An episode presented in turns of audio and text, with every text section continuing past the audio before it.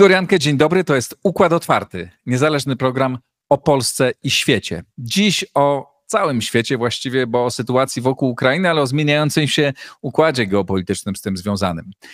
Bardzo dziękuję wszystkim Państwu, którzy wspieracie Układ Otwarty. To jest niezwykle ważne, bo dzięki Wam ten program jest naprawdę niezależny. Był, jest i będzie.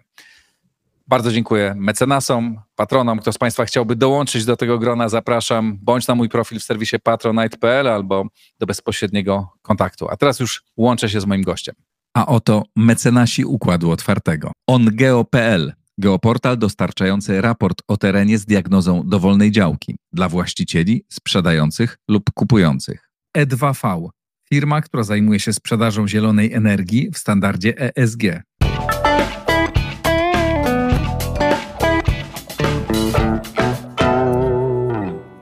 Krzysztof Wojczal, e, ekspert, analityk do spraw geopolityki, a też prawnik. Dzień dobry, Krzysztof. Cześć, witam Cię, witam Państwa serdecznie.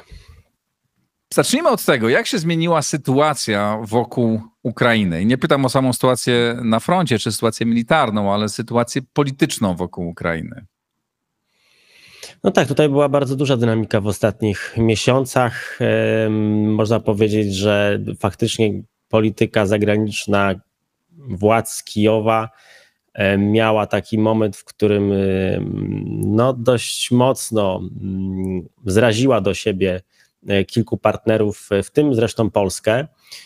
Aczkolwiek też należy zadawać sobie sprawę z tego, że wciąż interesy, na przykład nasze, tak samo jak interesy państw zachodnich, a w kontekście wojny na Ukrainie, one są niezmienne i mm, pomimo powiedzmy mm, kilku płaszczyzn, na których należy oczywiście dbać o własne interesy, mowa tutaj oczywiście o, o płaszczyźnie związanej z mm, rolnikami polskimi, na przykład też unijnymi. E, jednak ta płaszczyzna geostrategiczna związana z bezpieczeństwem, no ona, ona wciąż musi być realizowana tak jak dotychczas, czyli powinniśmy wspierać ten kraj. Wydaje mi się, że jest tego świadomość pełna na Zachodzie, jest tego świadomość e, dość spora w Polsce e, i władze z Ukrainy też trochę spuściły stonu, że tak powiem, jeśli chodzi o te mniej istotne z punktu widzenia bezpieczeństwa tematy, no a oczywiście istotne z, innych, z innego punktu widzenia, na przykład gospodarczego. Natomiast, natomiast widać, że ta dynamika była ostatnio spora. I no, tutaj z pewnością to pytanie też nawiązuje do ewentualnego wsparcia finansowego, zwłaszcza Stanów Zjednoczonych, no bo tutaj jest taka duża zmiana. E, Unia tak. Europejska, jak wiemy, zatwierdziła już e, fundusze na kolejne 4 lata na pomoc dla Ukrainy, aczkolwiek te fundusze nie są dostateczne, żeby utrzymać przez te 4 lata Ukrainę w wojnie, czy jej e, finanse, budżet krajowy. I tutaj Amerykanie no, muszą się dorzucić, bo inaczej będzie krucho. E, również w kwestii, e, no nie tylko tej pomocy finansowej, ale również w kwestii e, pomocy w związku z zaopatrzeniem, ze zbrojeniami i z amunicją, co też przecież przekłada się na, co też jest wpisane w ten pakiet, który miał zostać uchwalony, amerykański, a który nie został uchwalony. Chociaż w mojej ocenie to jest kwestia czasu, to znaczy mm, to weto republikańskie ma raczej za zadanie uzyskać jakieś korzyści polityczne wewnątrz kraju, natomiast co do zasady pewnie no wcześniej czy później ta pomoc dla Ukrainy mm, popłynie. Też jest jeszcze pytanie otwarte. No, tego nie to, wiemy, nie? Znaczy w tej chwili. Znaczy ja, ja, jestem, o tym, że... ja jestem o tym przekonany, ja jestem o tym przekonany, to jest moje przekonanie. No, oczywiście można się ze mną okay. nie zgadzać. Um, znaczy, nie, nie dyskutuję z przekonaniem. Mówię, jeśli chodzi o fakty, to tego nie wiemy. Tak? Znaczy, też w dniu, w którym rozmawiamy, jesteśmy po decyzji Senatu o zatwierdzeniu tej pieniądze, ale w Izbie Reprezentantów e, Republikanie mają większość i nie wiemy, jak to będzie. Być może, jak Państwo będziecie tego słuchać, to już będziemy wiedzieć. Niemniej, no, przychodzi, jest bardzo prawdopodobne, że wybory jesienią e, wygra Donald Trump. E, no i, i tu jest wielki, wielki znak zapytania. Z Donaldem Trumpem też nie demonizowałbym akurat powiedzmy jego, jego zapowiedzi przedwyborczych, bo pamiętamy jak one były e, przed wyborami, które zwyciężył e, przeciwko Hillary Clinton i wówczas też e, była taka narracja nastawiona na reset z Federacją Rosyjską. Z tego resetu amerykańsko-rosyjskiego nic nie wyszło. Mm, I w zasadzie okazało się, że prezydentura Donalda Trumpa na tamten czas była najbardziej antyrosyjską w działaniach od czasów chyba Ronalda Reagana, także ja przynajmniej tak to oceniam. Także tutaj w mojej ocenie Donald Trump zapowiada kontynuację swojej filozofii takiej geopolitycznej, którą już rozpoczął w poprzedniej swojej kadencji. I gdyby on wygrał wybory, e, to ja zauważam taki jakby proces, to znaczy, nie nie wiem czy pamiętasz, czy Państwo pamiętacie, Donald Trump renegocjował warunki współpracy, warunki sojuszu, między innymi z Koreą Południową czy z Japonią. I oba te państwa musiały się zgodzić na większą partycypację w kosztach związanych z utrzymywaniem wojsk amerykańskich na Dalekim Wschodzie, e, które dbają o bezpieczeństwo tych państw.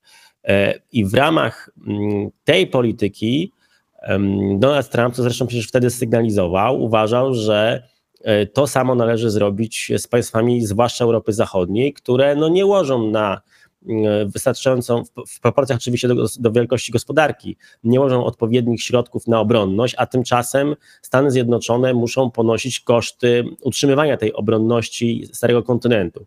I w tym kontekście ja mm, interpretuję słowa Donalda Trumpa o tym, że będzie nawet zachęcał Putina do tego, żeby robił co chciał z państwami, które nie łożą tych środków w takiej proporcji, jakiej powinny, jego zdaniem, no to ja to uważam za taką czystą polityczną retorykę, mm, e, która ma za zadanie przygotować sobie grunt pod przyszłe negocjacje, zwłaszcza na przykład z Niemcami, negocjacje polegające na tym, że mm, żeby wymusić właśnie odpowiednie nakłady na obronność ze strony państw zachodnich i żeby Stany Zjednoczone no, nie musiały y, mm, angażować się aż tak bardzo, jeśli chodzi o zaangażowanie środków i, i pomocy nawet na Ukrainie, czy środków e, militarnych tutaj na wschodniej flance NATO, tak bardzo jak dotychczas, żeby to po prostu część odpowiedzialności wzięła na siebie, wziął na siebie stary kontynent. I oczywiście, że te słowa, te słowa były adresowane e, do tych, którzy nie spełniają tego dwuprocentowego wymogu. I co ciekawe, jeśli się sprawdzi, kto tak naprawdę z europejskich partnerów w NATO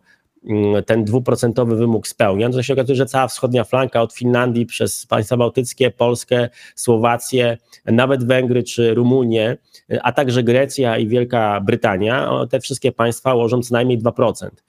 No więc trudno sobie wyobrazić, żeby Donald Trump mówił poważnie, że żeby Władimir Putin, nie wiem, atakował na przykład Niemcy, skoro po drodze są te państwa, które, które w domyśle Stany Zjednoczone mają zamiar, e, z którymi mają zamiar dalej współpracować w zakresie obronności. Także wydaje mi się, że to jest po prostu przygotowanie gruntu pod przyszłe negocjacje i pod kontynuowanie tej polityki, którą Donald Trump prezentował. W kontekście bezpieczeństwa Ukrainy, bo tutaj jest jakby ten wątek, który, który, od którego wyszliśmy, Uważam, że zapowiedzi znowu Donalda Trumpa o tym, że skończy konflikt w ciągu tam 24 czy 48 godzin, teraz już nie pamiętam dokładnie, ja też odczytuję trochę jako myślenie życzeniowe i też postulat taki polityczny y, przedwyborczy. E, przede wszystkim należy pamiętać o tym, że oczywiście, że jednej ze stron negocjacji może się wydawać, że ma, posiada tak duże argumenty, tak duży kij i tak sporą marchewkę, żeby usiąść do stołu i doprowadzić 24 godziny e, do pokoju na Ukrainie.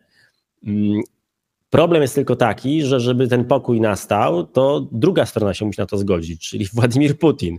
E, I w mojej ocenie może, może się w tej chwili wydawać Donaldowi Trumpowi, że posiada takie argumenty, że zarzuci swoje warunki Putinowi, bo przecież on nigdy nie mówił, że będzie uległy i będzie i nie będzie realizował amerykańskich interesów i będzie ustępował Rosji, tylko on mówił, że doprowadzi do pokoju, ale w, w kontekście takim, że ten pokój będzie w interesie Stanów Zjednoczonych.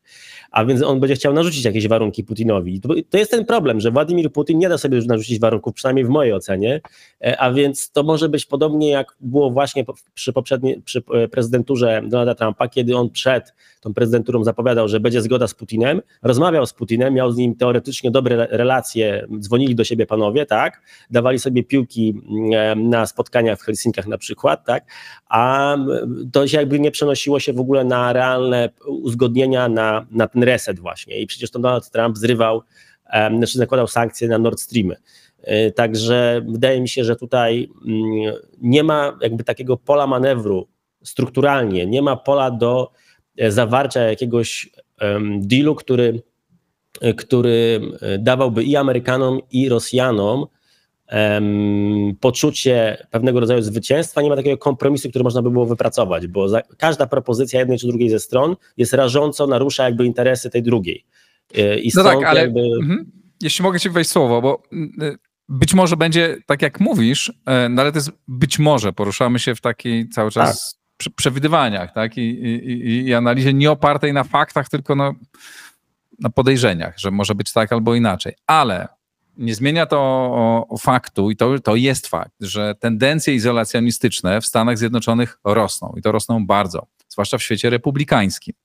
E, jeżeli ktoś mówi, że mm, no, może niekoniecznie musimy wspierać tę wojnę w Ukrainie i mówi to po to tylko, żeby coś tam rozegrać, żeby kogoś przycisnąć, żeby coś pokazać do pewnej grupy wyborców, no to bardziej radykalni bardziej radykalni politycy z tego obozu mówią, tak, powinniśmy właśnie zaprzestać tej pomocy. A potem jest następny krok, taki Tucker Carlson e, leci do Moskwy, mówi, że w zasadzie w tej Moskwie to jest porządek, czysto, piękne metro i Putin, no możecie go nie lubić, no ale w sumie to jest poważny gość. Nie? E, I, no, Dobrze i za historię. To, I ogląda, tak, i ogląda to miliony ludzi. Oglądają to wyborcy, również wyborcy Partii Republikańskiej. I ta tendencja raczej nie maleje, tylko narasta. Więc nie wiemy, co będzie. To raczej nie są znaki świadczące o tym, że NATO, pakt, e, współpraca między państwami Zachodu będzie przeciwko Rosji w sprawie Ukrainy, czy też innych zagrożeń będzie coraz silniejsza. Nie? To są sygnały raczej takie no, budzące no duże tak, no, wątpliwości. No, oczywiście, że tak. Y, I tutaj no, jakby rzeczywistość jest jaka jest, jakby też y, kwestia tej interpretacji, no to jest jednostronna. Wygląda to tak, tak, jak ty opisałeś, tak? Że tendencja jest z tą stroną, ona jest widoczna i wypowiedzi są mm, wyraźne polityków y, amerykańskich, aczkolwiek tak jak mówię, no ja staram się, to w moja interpretacja jest taka, żeby tutaj mm, nie panikować i, i poczekać na to, co będzie, bo nie uważam, żeby w interesie nawet republikanów jako partii politycznej, czy Donalda Trumpa jako ewentualnego przyszłego prezydenta było to, żeby dokonywać tak radykalnych zmian.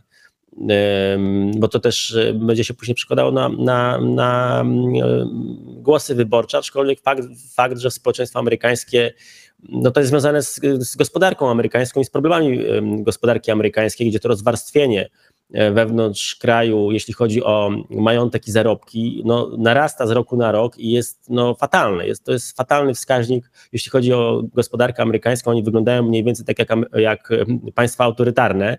Tak można to porównać na tej płaszczyźnie. E, niestety, także ten kapitalizm gdzieś tam zaszedł w, ślepą, w ślepy zaułek i to się odbija później na na wyborcach i na ich postrzeganiu tej rzeczywistości i tego, i na ich ambicjach przede wszystkim związanych z polityką międzynarodową prowadzoną przez władze z Waszyngtonu.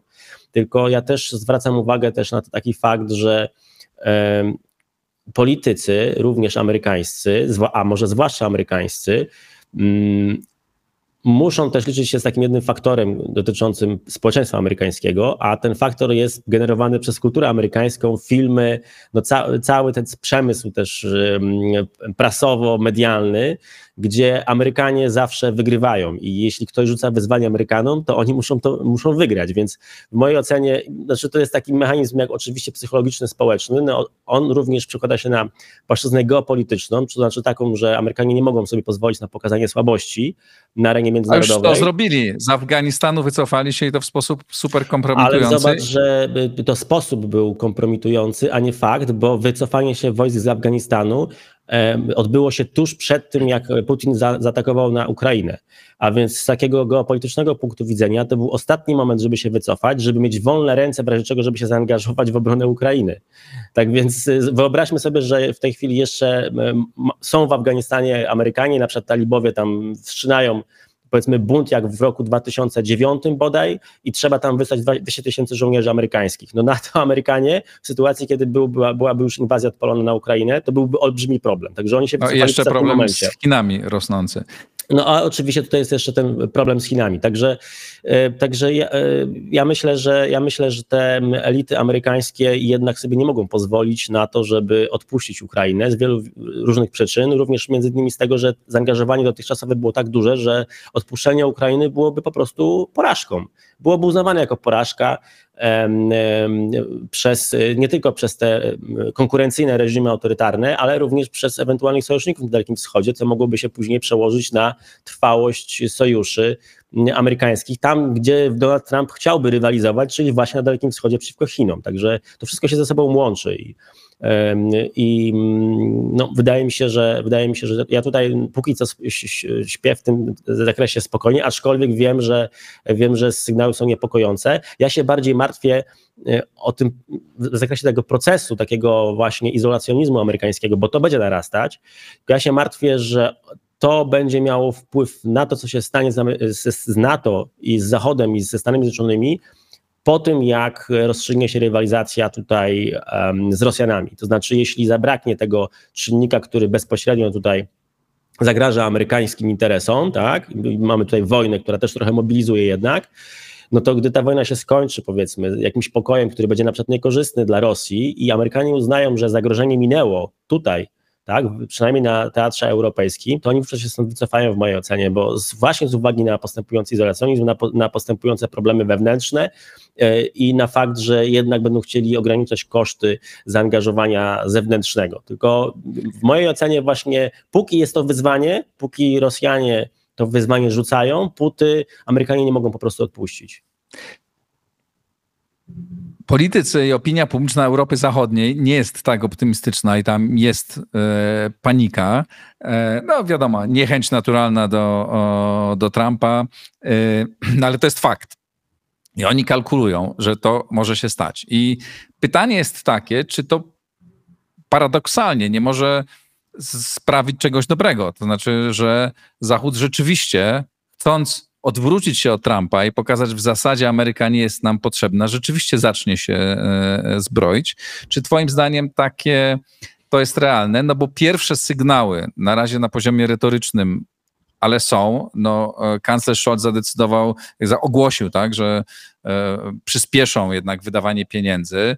E, no, powiedział już bardzo konkretnie, no więc też wycofanie się z tego no, będzie, byłoby bardzo trudne. Można oczywiście to wydłużyć w czasie, no ale sytuacja jest tak dynamiczna, że, mm, e, e, że no, będzie musiał, musiałby się z tego bardzo gęsto tłumaczyć.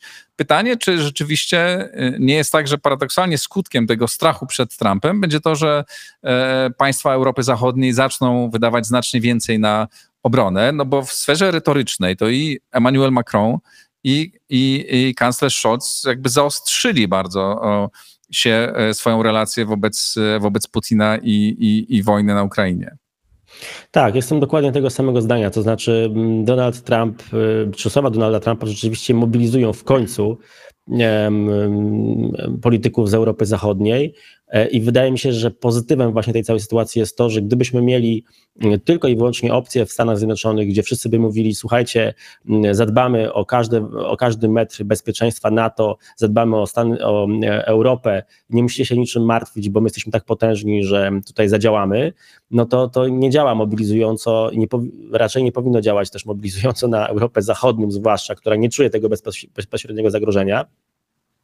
E, a z drugiej strony, właśnie to, co powiedziałeś, e, słowa Trumpa pokazują, że jest takie ryzyko, że e, no niekoniecznie ten artykuł 5 może zadziałać i trzeba jednak myśleć o własnym bezpieczeństwie i to faktycznie może bardzo mocno mobilizować. Zobaczymy na jak długo to będzie mobilizowało. Ja uważam, że, że Francja raczej jest bardziej nastawiona na, na takie już konsekwentnie od jakiegoś czasu działa na, na rzecz tego, żeby faktycznie podnieść tą obronność. Niemcy działają w sposób opieszały, to znaczy jest narracja i to przecież narracja nie, nie mówiłeś o ostatnim zapowiedzi, ale przecież tych zapowiedzi o, tej, o tym wzmacnianiu sił zbrojnych niemieckich, no to już było i rok temu, i dwa lata temu, y, y, no i cały czas tego nie widzimy, także zobaczymy jak Ale to... znawcy niemieckiej polityki mówią, że ten okręt zmienia, niemiecki okręt zwykle zmienia kurs bardzo powoli i ta machina to nie jest ślizgacz, prawda? Taki trochę jak my jesteśmy takim ślizgaczem, że możemy szybko w sposób mniej lub bardziej szalony podejmować decyzje, że tam to się zmienia powoli, ale za to bardzo konsekwentnie, że prędzej czy później, skoro ten kurs został ogłoszona, została ogłoszona zmiana kursu, to owszem, są jeszcze jakieś opory, ten, ale to się będzie przesuwać w tym kierunku. Pytanie, czy tak rzeczywiście będzie. No zobaczymy. Ja będę obserwował ten, ten proces, chociaż uważam, że ja nie wiem, czy on jest przyszłościowo dla nas pozytywny. Znaczy, wolałbym, żeby to Francuzi bardziej się zaangażowali i więcej wydawali niż, niż Niemcy, ale mm, no, zobaczymy. No, my też musimy więcej o swoje bezpieczeństwo zadbać i też musimy kontynuować to, co już rozpoczęliśmy. Także to jest dla nas, z naszej perspektywy najważniejsze są jednak gwarancje bezpieczeństwa ze Stanów Zjednoczonych. Bardzo dobrze, że teraz rozmawiamy z Francuzami i z Niemcami. Ten trójkąt weimarski ma teraz, o tym za chwilę możemy porozmawiać, bo to jest szalenie ciekawy i aktualny temat. Moim zdaniem to jest, y, no mamy szansę repozycjonować Polskę i w trójkącie weimarskim, i w Unii Europejskiej i to jest coś w tej chwili bardzo to jest coś, to jest szansa, którą jeśli wykorzystamy, to ona naprawdę może się ziścić. Po raz no pierwszy zobaczmy, czy. E, też, no właśnie chciałem to pytanie postawić tak wprost. Czy twoim zdaniem ta zmiana polityczna, która w Polsce nastąpiła, tak była ewidentna blokada między rządem PiSa a, a, a Niemcami, Francją i jakby e, obecnie rządzącymi elitami w Unii Euro, w państwach Unii, czy w wielu państwach Unii Europejskiej, tak nazwijmy to precyzy, najprecyzyjniej, e, czy ta zmiana daje szansę na rzeczywistą, na rzeczywiste, to określiłeś, repozycjonowanie pozycji Polski? No bo jak sobie przypomniemy historię Trójkąta Weimarskiego sprzed wielu lat, kiedy on powstawał, no to powiedzmy sobie szczerze, Polska raczej była kwiatkiem do kożucha, no bo mówiąc wprost, oni byli silni, my byliśmy słabi. Dzisiaj jesteśmy już państwem o dużo większej wadze i gospodarczej, i również za chwilę militarnej. To jest proces moim zdaniem nie do zatrzymania, bo obecny rząd jakby tutaj nie stawia, może tam coś skorygować, tak, ale generalnie będzie szedł e, e, w tym kierunku. Czy twoim zdaniem e, rzeczywiście te dobre, również osobiste relacje Donalda Tuska z zachodnimi, e, e, z obecnymi rządzącymi w Niemczech, we Francji, w mm, unijnymi mm, biurokratami i, politykami z różnych państw, dają szansę na to, że e, zarówno utrzymamy relacje dobre ze Stanami Zjednoczonymi i i jednocześnie wzmocnimy swoją pozycję w Unii Europejskiej. No, które, I pytanie, jak ta Unia, w jakim kierunku ona będzie szła? Mm, tak, zadałeś pytanie trochę od tej skali naszej wewnętrznej, powiedzmy politycznej, czyli, czyli bardziej mikro, no to będziemy, może ja faktycznie będę się wspinał do góry, do skali makro, chociaż chciałem odwrotnie, ale zacznę od, tej nas, od naszego podwórka. To znaczy, uważam, że paradoksalnie nastąpiła pewnego rodzaju synergia między rządami PiSu a rządami obecnymi, ponieważ sytuacja była taka, jak to określiłeś, ja też tak to oceniam, że w trójkącie weimarskim e, my byliśmy, jakby ten trójkąt był taki trochę obrócony, były, były Francja i Niemcy, my byliśmy tam troszeczkę na dole, tak, i informowano nas o pewnych ruchach, ale on nie służył na przykład do zatrzymania, nie pomógł w zatrzymaniu Nord Streamu na przykład, tak, takiej inicjatywy, czy nie pomógł w forsowaniu tego pomysłu o wspólnej energetyce, o wspólnej polityce energetycznej. E, tutaj nic nam to nie pomogło. I rzeczywiście, między innymi dlatego, że Polska miała zupełnie inną pozycję, i o tym za chwilkę chciałbym też powiedzieć szerzej, jak było wówczas, a jak jest teraz. No ale mm, w kontekście już takim czysto politycznym, faktycznie później mieliśmy takie 8 lat, gdzie Polska budowała taką pozycję państwa mm, nastawionego w kontrze do Berlina, do Brukseli, e, bardzo starającego się pokazywać swoją asertywną postawę e, i państwa, które dowozi projekty pomimo czasami presji z zachodu. Takim przykładem jest może Baltic Pipe powstał może bez jakiejś wielkiej presji z zachodu, ale na przykład jeśli weźmiemy pod uwagę temat tego ogrodzenia e, i w ogóle zachowania się polskich władz w kontekście kryzysu na granicy z Białorusią, no to była presja rzeczywiście odczuwalna i my po prostu ten projekt dowieźliśmy i się okazało, że to były działania hybrydowe, że to były działania hybrydowe przed konfliktem zbrojnym, E, na Ukrainie i jakby tutaj potrafiliśmy zadziałać jakby samodzielnie, pomimo jakiejś presji z zewnątrz. I teraz przez 8 lat mieliśmy budowaną w, ta, w, taki sposób narrację, w taki sposób pozycję Polski, gdzie państwa europejskie e, dostrzegały ten fakt, że jesteśmy w stanie działać w miarę samodzielnie i jesteśmy w stanie jakby tutaj stawiać w pewnych tematach, powiedzmy, być w kontrze. I teraz Problem był taki, że poprzedni rząd, tak jak powiedziałeś, no on nie był sam w stanie wygenerować z siebie takiej, takiego rodzaju postawy, gdzie wyciągnęliby rękę, tak, i, i, i z drugiej strony nie było tego zaufania do tego rządu, że to wyciągnięcie ręki byłoby szczere, więc nie było szans na taki reset relacji. Zresztą ta narracja poprzedniego rządu polityczna wewnątrz Polski, ona też była nastawiona w kontrze do, do, do Brukseli czy do Niemiec, więc no, to się politycznie nie mogło udać. I co ciekawe, teraz mamy nowe otwarcie, nowy rząd i on w zasadzie jest pro, prounijny, prawda, pro, mm, pro niemiecki, można powiedzieć, ma te, ma te dobre relacje otwarte. I z drugiej strony ma pozycję negocjacyjną, którą zbudował PiS. Bo, bo ten obecny rząd, gdyby rządził te ostatnie 8 lat, prawdopodobnie w mojej ocenie, to jest moja opinia, nie zbudowałby sobie takiej pozytywnej, e, znaczy takiej asertywnej postawy, czy takiego wizerunku asertywności Polski, w związku z czym dzisiaj, dzisiaj być może no, nie mógłby startować z takiego wysokiego C, jak, jak teraz może. A teraz może jakby pojawiać się taki prosty argument, to znaczy z każdych negocjacji Polska musi wyjść z czymś konkretnym na stole, z jakąś konkretną korzyścią, bo jeśli nie wyjdzie, to znaczy, że za chwilę E, poparcie dla obecnego rządu polskiego spadnie i będzie rządzić ten antyunijny. I to jest taki, moim zdaniem, takie narzędzie polityczne, taki młotek na, na partnerów zachodnich, którym można za każdym razem zbijać każdy argument. To znaczy, słuchajcie, no, no musimy coś, coś wynieść z tego stołu, bo będziecie mieli tutaj znowu, znowu w kontrze jakiś rząd, który będzie wam wszystko stopował. Także to jest moim zdaniem takie fajne narzędzie na, na płaszczyźnie politycznej. E, którym można się posługiwać, ale tak naprawdę sytuacja w ogóle Polski jest zupełnie inna na wszystkich płaszczyznach niż była w 2000, do 2013 roku. Znaczy, ja uważam, że w tej chwili jest czas na to, żeby zrobić format takiego nowego trójkąta weimarskiego. Oczywiście to może być cały czas ten sam format trójkąta i powiedzmy odnowiony, e, jeśli chodzi o nazewnictwo, ale możemy się zupełnie inaczej repozycjonować i z bardzo wielu przyczyn.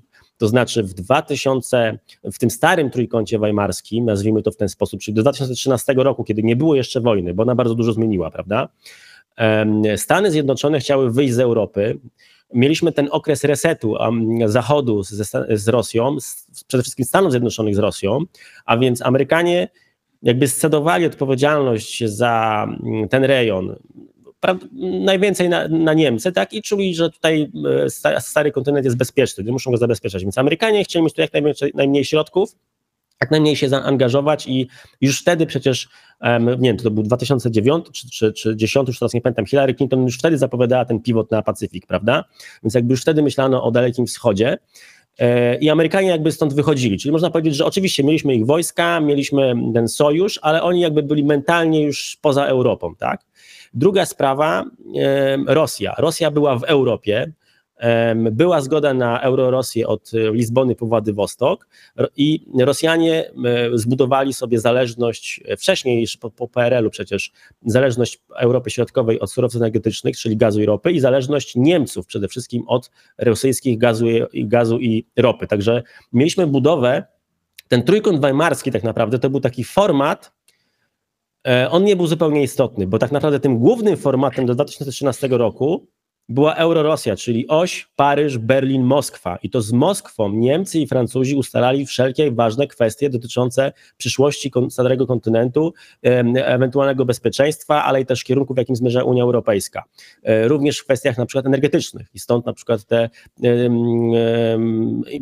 na przykład właśnie Nord Streamy, prawda? Czyli to było po, poza, poza naszymi głowami porozumienie niemiecko-rosyjskie, któremu my nie mogliśmy się przeciwstawić. Także mieliśmy ten format główny, format główny Euro-Rosję, na który Amerykanie się zgodzili. Rosjan mieliśmy w Europie, Amerykanów mieliśmy poza. I my byliśmy tutaj, tak jak mówiłeś, kwiatkiem do kożucha w jakimś formacie trójkąta weimarskiego, który jeszcze był, powstał w 1991 roku i tak naprawdę później przerodził się w, taki, w takie coś, gdzie Paryż i Berlin informowali Warszawę o tym, co ustalili z Moskwą. Ja tak się śmieję, tak to, tak to mniej więcej określam. Ale i teraz mamy, mamy te trzy tematy takiej szerszej unijnej perspektywie. I teraz jaki mamy stan Anno Domini 2024? Amerykanie są wewnątrz Europy, i jeszcze tutaj moim zdaniem zostaną nawet jeśli Donald Trump wygra wybory. Mają tutaj, jak nigdy dotąd, nie było tutaj wcześniej, na wschodniej flance NATO żołnierzy amerykańskich, mamy 20 tysięcy żołnierzy amerykańskich, zwiększyli swoją obecność, zwiększyli obecność polityczną, zwiększyli obecność poprzez te jakby bilateralne zacieśnienie stosunków na przykład z Polską, ale i z państwami bałtyckimi, z Rumunią, zwiększyli obecność militarną, i zwiększyli e, swoją obecność gospodarczą i teraz to oni uzależnili od siebie na przykład Niemcy pod względem e, energetyki, bo teraz oni mają rekordowy sprzedaż gazu LNG, rekordowe sprzedaże, e, eksport ropy do Europy, zawładnęli ten rynek skąd wyszli sami w zasadzie Rosjanie, a teraz są już izolowani. Więc pod względem politycznym, militarnym, energetycznym Amerykanie są tutaj w Europie. I dla nas, z naszej perspektywy polskiej, jest to szalenie duża zmiana, bo teraz my wcześniej nie mieliśmy tej alternatywy. Jeśli Niemcy i Francuzi nam coś powiedzieli, e, no to my, my, mówiliśmy, OK, no to się zgadzamy, zgadzamy, no bo nie mamy z kim innym do rozmowy, prawda? Bo Amerykanie nie są zainteresowani, żeby z nami rozmawiać i nam coś dawać. W tej chwili mamy Amerykanów tutaj, no, tutaj, na podwórku i mamy jednocześnie możliwość rozmawiania z Francuzami, z Niemcami. Także jest pewnego rodzaju pole manewru, co oczywiście podnosi naszą sytuację negocjacyjną. To jest jeden ważny punkt. Drugi ważny punkt jest oczywiście to, że nie ma tutaj Rosji. Nie ma Rosji z jej uzależnieniem energetycznym e, Europy Środkowej. My zbudowaliśmy Baltic Pipe, rozbudowaliśmy, rozbudowujemy terminal LNG, który został też zbudowany. Niemcy mają w tej chwili swoje pływające terminale LNG. Oni też nie są już zależni od surowców energetycznych z Rosji. Tak więc Rosji tutaj nie ma i długo w mojej ocenie jeszcze nie będzie. Nawet jeśli ta, się ta wojna na Ukrainie skończy. Także mamy dwa szalenie duże dwie szalenie duże zmiany, jeśli chodzi o naszą pozycję negocjacyjną względem Zachodu. No ale jest tych, jest tych warunków jeszcze więcej. Teraz znowu, w 2000, wrócimy, w 2013 roku w Trójkącie Weimarskim Polska była w zasadzie samotna. To znaczy, my w, rejonie, w regionie nie mieliśmy sojuszników. Litwini orientowali się na Niemców, w zasadzie całe państwa bałtyckie orientowały się na Niemców e, i sytuacja była taka, że mieliśmy konflikt z Litwinami, na różnych płaszczyznach, również tej społecznej, gdzie oni tam, wiadomo, trochę nie dawali powiedzmy tych polskich znaków u siebie dla mniejszości polskiej i tak dalej, i tak ale przede wszystkim objawem tych złych relacji z Litwinami było to, że rozebrali tory do rafinerii w Morzejkach, którą to rafinerię Polacy kupili w, na Litwie, prawda? Rozebrali i Polska była za słaba, żeby wpłynąć na Litwę, żeby tych torów nie rozebrali. To, to był obraz naszej bezsilności. Dzisiaj nasze relacje z państwami bałtyckimi są kompletnie inne. Dokładnie, bo atak y, rosyjski na Ukrainę uświadomił Bałtów, a nie tylko ich, że bezpieczeństwo jest najważniejsze, a nie da się obronić militarnie Bałtów bez naszego udziału, bez naszej pomocy. I oni muszą w tej chwili się e, orientować na Polskę. Zupełnie inne relacje z tego względu wynikają. Tak więc e, my jesteśmy beneficjentem tej sytuacji zagrożenia de facto, można powiedzieć. Spójrzmy na e, Ukrainę, to samo ona wcześniej tak balansowała. Raz była bardzo prorosyjska, później były te rewolucje, zmieniały się władze, tam pomarańczowa, później był ten Majdan, prawda? Ale generalnie było albo mocno pro, niemie, prorosyjsko, albo orientowali się na Brukselę i proniemiecko. W tej chwili wiedzą um, Ukraińcy, że muszą się z nami jakoś porozumiewać i jesteśmy w tej chwili wyżej w hierarchii niż byliśmy. Były te relacje polsko-ukraińskie złe generalnie wcześniej, przed wojną. Teraz są dobre mimo tych mimo tych niespójności. A więc mamy po swojej stronie Bałtów, mamy po swojej stronie w tej chwili odwróciliśmy Ukrainę. E, również Czesi na nas zupełnie inaczej patrzą e, przez pryzmat tego konfliktu ukraińskiego, także Słowacja, więc nasza pozycja w regionie jest inna. Jest zupełnie inna dzisiaj niż 10 lat temu. Mhm. I znowu mamy większą siłę do tego, żeby negocjować e, z Zachodem. I jeszcze płaszczyzna gospodarcza, gdzie my byliśmy. Ale pozwól, że jeszcze zapytam Cię o jedną hmm. rzecz. Czy uważasz, że.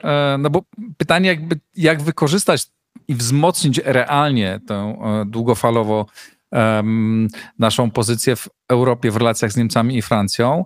E, czy uważa, że powinniśmy e, jednak za decyzjami, za retoryką polityczną powinny również pójść decyzje takie no, gospodarcze, zakupowe, że nie kupujemy wszystkiego tylko u jednego dostawcy tego najpotężniejszego za oceanem, tylko powinniśmy bardziej to zdywersyfikować i na przykład elektrownie atomowe, e, e, o zakupie elektrowni, budowie elektrowni atomowych rozmawiać z Francuzami, czy, czy zakupie niektórych elementów sprzętu wojskowego także kupować je w Europie. Oczywiście nie rezygnując ze Stanów Zjednoczonych, ale też czy bardziej to zdywersyfikować. Czy twoim zdaniem to jest coś, co powinniśmy teraz robić? Znaczy, moim zdaniem nic na siłę, to znaczy, jeśli ta dywersyfikacja nie byłaby korzystna, no to nie ma co, nie ma co, no, ale jeśli na przykład Francuzi zaproponują fajny układ z atomem, no to czemu druga elektrownia atomowa nie miałaby być francuska? Moim zdaniem jak najbardziej mogłaby być. E, tak samo dlaczego Polacy nie mieliby zainwestować jeszcze w dwa skrzydła Eurofighterów na przykład. E, wydaje się, że, wydaje mi się, że wojskowi byliby zadowoleni. Niekoniecznie, ale być może, być może, być może to jest kierunek. Tylko pamiętajmy o tym, że jak my coś kupujemy, z, my coś kupujemy, jeśli chodzi o uzbrojenie, to tak naprawdę to nie jest taka karta przetargowa, że my możemy kupić dzięki temu, że mamy silniejszą pozycję. My, oni by nam chcieli to sprzedać nawet wtedy, kiedy byśmy się z nimi kłócili, prawda? Jakby poprzedni rząd powiedział, że chcą, chcą kupić Atom z Francji czy Eurofightery, to tam y, nikt nie patrzyłby na relacje, tylko by nam to sprzedał, nie, bo to jest... Oczywiście, wiesz, ja mówię o tym, że to jest, ja bym, że to jest ja, narzędzie bym... negocjacyjne, że możemy mówić, no dobra, słuchajcie, to my... Tak E, e, możemy dodatkowe... kupić od was, e, tak. wy zbudujcie nam elektrownię atomową, ale w zamian za to oczekujemy tego, tego i tego, prawda?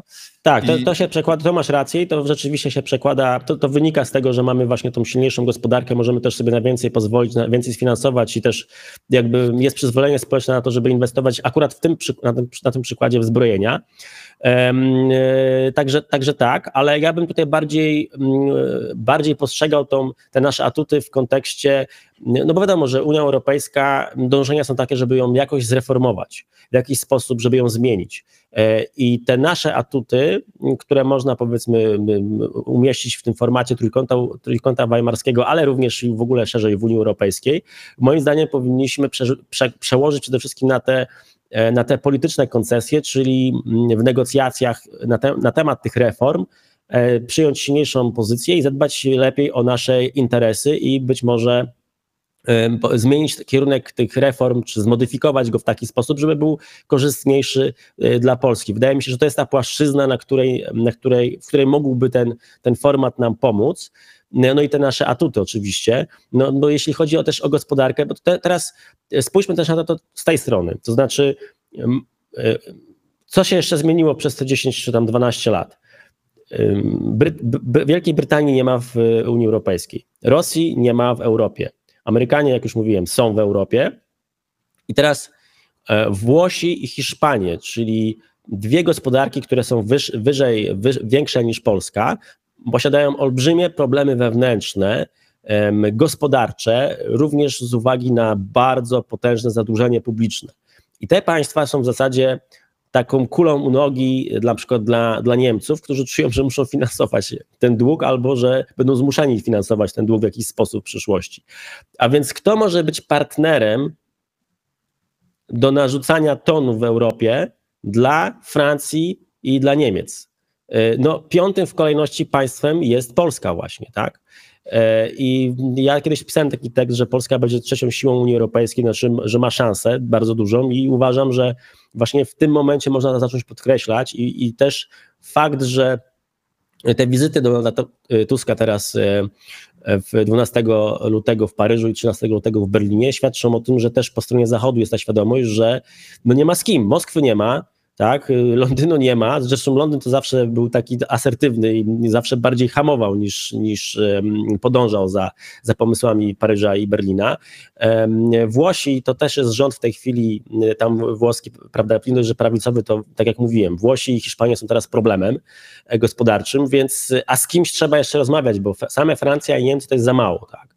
Mam oczywiście państwa Beneluxu, które podążają za tą dwójką, ale ale generalnie, generalnie ten format musi być nieco szerszy, żeby zaangażować również państwa um, Europy Środkowej w ten proces reform Unii Europejskiej. E, no ja i tutaj się... zawsze, mhm. zawsze wychodzi no, Polska tak, w tym równaniu, tak. że, że, że potrzeba, tak? potrzeba Warszawy. Ja się zgadzam z Tobą, że, że Polska może być jednym z tych dwóch, trzech liderów Europy. Yy, tylko na razie to jest tak, że no jeszcze na razie może, musimy się trochę lewa, mocno lewarować. Tak? No, nie jesteśmy jeszcze trzecim państwem Europy. Mamy na to szansę. Zresztą polecam Państwu moją książkę na ten temat. Jest dostępna link pod tym nagraniem o tym, że możemy tak stać się realną siłą taką. Nie tylko, że sobie tu wymanewrujemy i dzięki temu, że nie ma e, e, Wielkiej Brytanii czy Rosji, wejdziemy do góry, tylko po prostu realnie nasza gospodarka i nasza pozycja cywilizacyjna będzie bardzo wysoka. Ale jest jeszcze jeden element, e, o którym nie wspomniałeś. E, tej układanki. Znaczy są państwa skandynawskie, z którymi łączy nas coraz więcej, znaczy łączy nas podobne postrzeganie e, zagrożeń, łączy nas to, że nowe państwa dołączyły, czy tam dołączają, no już de facto ta Szwecja prawie jest w, e, w NATO, a na pewno podobnie tak samo patrzy, patrzy na Rosję i my też dla nich stajemy się coraz, coraz ciekawszym mm, partnerem. I pytanie, ja uważam, że myśmy powinni budować też taki format polityczny wokół Morza Bałtyckiego, ale nie tylko z państwami bałtyckimi, tylko również z państwami nordyckimi. Mm. Znaczy, wiesz co, ja mam problem z tą koncepcją i ja jej dostrzegam, że trzeba podejmować kroki również i w tym kierunku, no bo nie stać nas na grzech zaniechania, ale nie pokładam w, tym, w tej koncepcji wiele nadziei, ponieważ no, ze, ze Skandynawami, a w zasadzie bardziej to ze Szwecją, tutaj no, no łączy nas to Morze Bałtyckie, tylko problem jest taki, że interesy na Morzu Bałtyckim, e, tylko problem jest taki, że ani oni nie mają floty, żeby nam pomóc, ani my nie mamy floty, żeby im pomóc. I to jest taki, wiesz, jesteśmy obok siebie, E, mamy wspólny interes, żeby tutaj zadbać o bezpieczeństwo Bałtyku. Każdy może zrobić to na swoim, powiedzmy, podwórku, chociaż my średnio, bo tej floty jeszcze nie zbudowaliśmy. E, I e, i wiesz, a z, drugiej strony politycznie. Ale oprócz floty są, jeszcze inne, są jeszcze inne narzędzia, tak, ale... zwłaszcza te latające. Tak, lotnictwo, tylko znowu nasze lotnictwo będzie skupione na operacji powietrzno-lądowej. E, a to szwedzkie lotnictwo będzie mm, skupione ewentualnie na operacji e, powietrzno-morskiej właśnie nad Bałtykiem. I znowu, my tutaj nie mamy za dużo im do zaoferowania, to znaczy ja uważam, że my byśmy bardzo chcieli, żeby tam ze Szwedami, prawda, czy, czy z, z Finami, czy z Duńczykami nawet, mm, bardziej Duńczycy mogliby nam pomóc, bo oni mają właśnie fregaty, które mogłyby tutaj nam sporo, sporo pomóc, jeśli chodzi o nasze bezpieczeństwo e, ale y, no, z punktu widzenia szwedzkiego y, im ta relacja nie jest tak bardzo potrzebna, bo oni od nas nie za bardzo mają co dostać, a jednocześnie wiąza wiązanie się z nami takie bardzo bliskie y, wiąże ich w nasze, nazwijmy to, kontynentalne konflikty czy kontynentalne obawy, tak?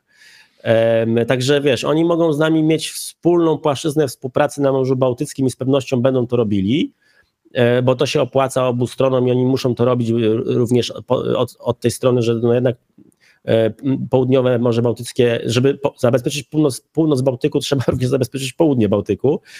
E, także to się wszystko ze sobą tutaj składa. Natomiast ja obawiam się, że nie ma szans na jakieś takie polityczne, bardziej projekty takie partnerskie, polityczne bardziej skierowane, czy nawet gospodarcze, czy, czy, e, czy militarne poza obszarem Morza Bałtyckiego. To wydaje mi się, że tutaj nie ma szans. Znaczy, no, oni jakby z perspektywy Szwedów nie widzą tutaj takich interesów, czy takiej potrzeby. Finowie w ogóle są zaangażowani bardziej na Zatoką Fińską i są od nas zbyt daleko.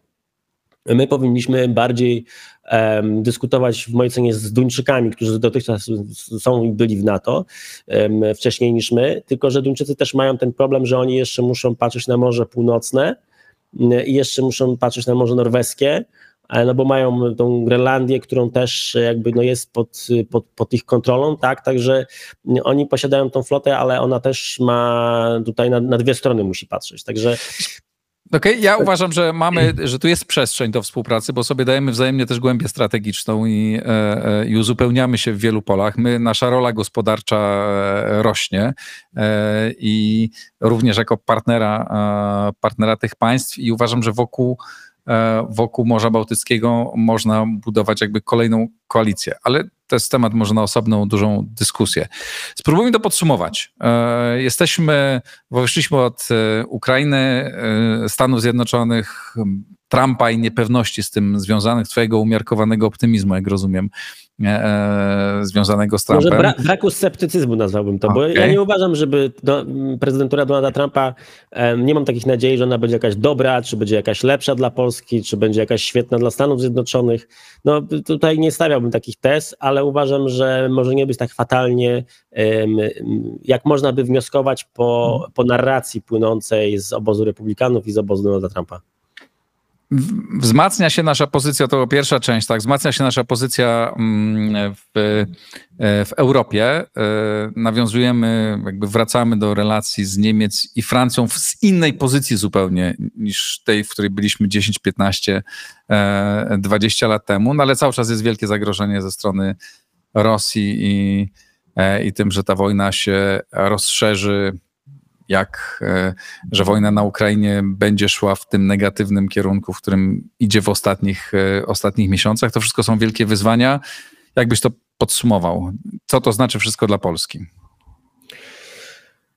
No, w mojej ocenie jesteśmy jednak na takim, mm, w takim nurcie, który jednak jest korzystny dla, dla interesów Polski, zwiększa, e, zwiększa mm, nasz potencjał taki polityczny na arenie międzynarodowej. I o tym też trzeba chyba jedno zdanie powiedzieć, że właśnie to zagrożenie, ten, ta zmiana 10-12 lat temu nie było wojny, dzisiaj mamy wojnę na Ukrainie i Polska w kontekście bezpieczeństwa, ale nie, i w kontekście w, y, w, drugim, czyli pomocy Ukrainie, czyli bezpieczeństwo wschodniej flanki Unii Europejskiej też i NATO, jak również w kontekście pomocy dla Ukrainy, Polska jest najważniejszym państwem w tej chwili w regionie, najważniejszym też sojusznikiem takim strategicznym tutaj w regionie dla Stanów Zjednoczonych. Także to też jest kolejny atut, który trzeba, o którym trzeba pamiętać. I to, o czym też mówiłeś, kwestia militarna, które, którą dopiero odbudowujemy i nadbudowujemy. E, za kilka lat możemy mieć tak silną armię, to jest dostrzegane również na zachodzie Europy, możemy mieć tak silną armię, że to nasza siła polityczna będzie jeszcze większa i będziemy jeszcze więcej znaczyć w Unii Europejskiej. Także o tym wszystkim warto pamiętać i ja przyznam, że patrzę z optymizmem, jeśli chodzi o pozycję Polski na arenie międzynarodowej, niezależnie od tego, kto tutaj rządzi. No jednak pewne są czynniki zewnętrzne, które w jakiś sposób nas, nas ustawiły e, i też klasa polityczna E, polskie ambicje jako społeczeństwa są też większe i one są wyrażane w tej chwili. Bardzo mamy wiele dowodów w tej chwili na to. E, I polska klasa polityczna po prostu nie ma wyjścia. Ona się musi do tych ambicji dostosować i to jest bardzo dobre.